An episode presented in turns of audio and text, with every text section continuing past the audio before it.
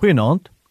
Dalk het jy al gehoor van ene luitenant Hiro Onoda wat op 'n Filippynse eiland vir 29 jaar nadat die Tweede Wêreldoorlog tot 'n einde gekom het, alleen voortgeveg het omdat hy geweier het om te aanvaar die oorlog is verby. Van 1945 tot 1974 het hy sy eie oorlog teen 'n denkbeeldige vyand gevoer. 'n Vreemde stukkie geskiedenis, raar maar waar. Maar dit is soos dit dikwels met ons eie wroging is. Net soos die roe onnoda, voer ons 'n geestelike stryd wat eintlik lankal reeds verby is, waarvan die vredesverdrag op Golgotha reeds gesluit is. Maar in die bosse, in die oerwoude van ons lewens veg ons voort. Ons het nog nie werklik vrede nie. Ons veg dikwels met onsself tot op 'n punt van moedeloosheid en moegheid. Jy ken mos daardie simpel gevoel wanneer jy aan 'n deur druk en druk en dit wil nie beweeg nie en iemand anders kom en trek dit eenvoudig oop.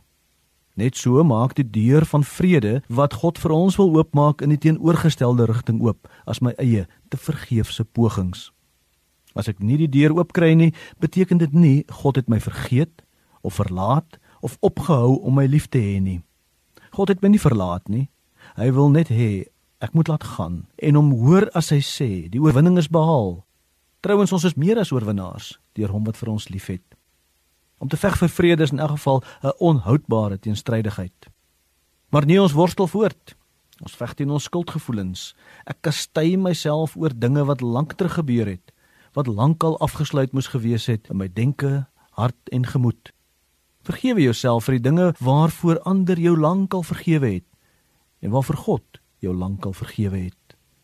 Maar ons doen ook om guns by God te verdien. Ook al daardie inspanning is onnodig. Daar is immers niks wat ek kan doen wat kan veroorsaak dat God my meer liefkry nie. Net soos daar niks is wat ek kan doen wat kan veroorsaak dat God my minder liefkry nie. In Kolossense 2 vers 13 en 14 lees ons: Christus het die skuld bewys met sy eise teen ons tot niet gemaak. Deur dit aan die kruis te spyker, het hy dit vir goed weggeneem. Hy het elke mag en gesag ontwapen en hulle in die openbaar vertoon deur hulle as gevangenes in die triomftog van Christus mee te voer. Gee in. Gee mee. Gee oor. Die geveg is verby. Die triomftog van Christus is ook ons triomftog. God is in beheer ook van hierdie nag en in hierdie nag. Vir die wat hy liefhet, gee die Here dit in hulle slaap, volgens Psalm 127. En hy het jou lief. Slaap vannag gerus met die wete dat die oorwinning behaal is. Uiteindelik is daar vrede en jy is vry. Here, dankie dat ek vanaand vrede in my gemoed mag hê.